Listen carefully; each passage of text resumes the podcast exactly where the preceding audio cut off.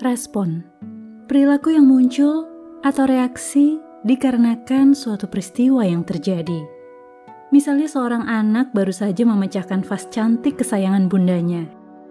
Anak yang pertama mengaku, menyesal, dan meminta maaf atas perbuatannya yang ceroboh.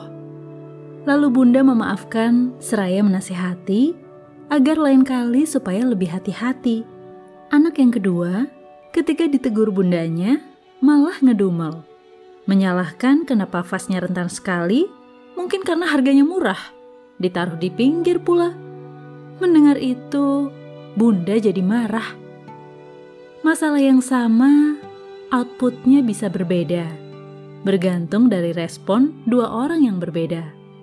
Saat seseorang berespon benar, meski ia membuat kesalahan, masalah tidak akan berlarut-larut.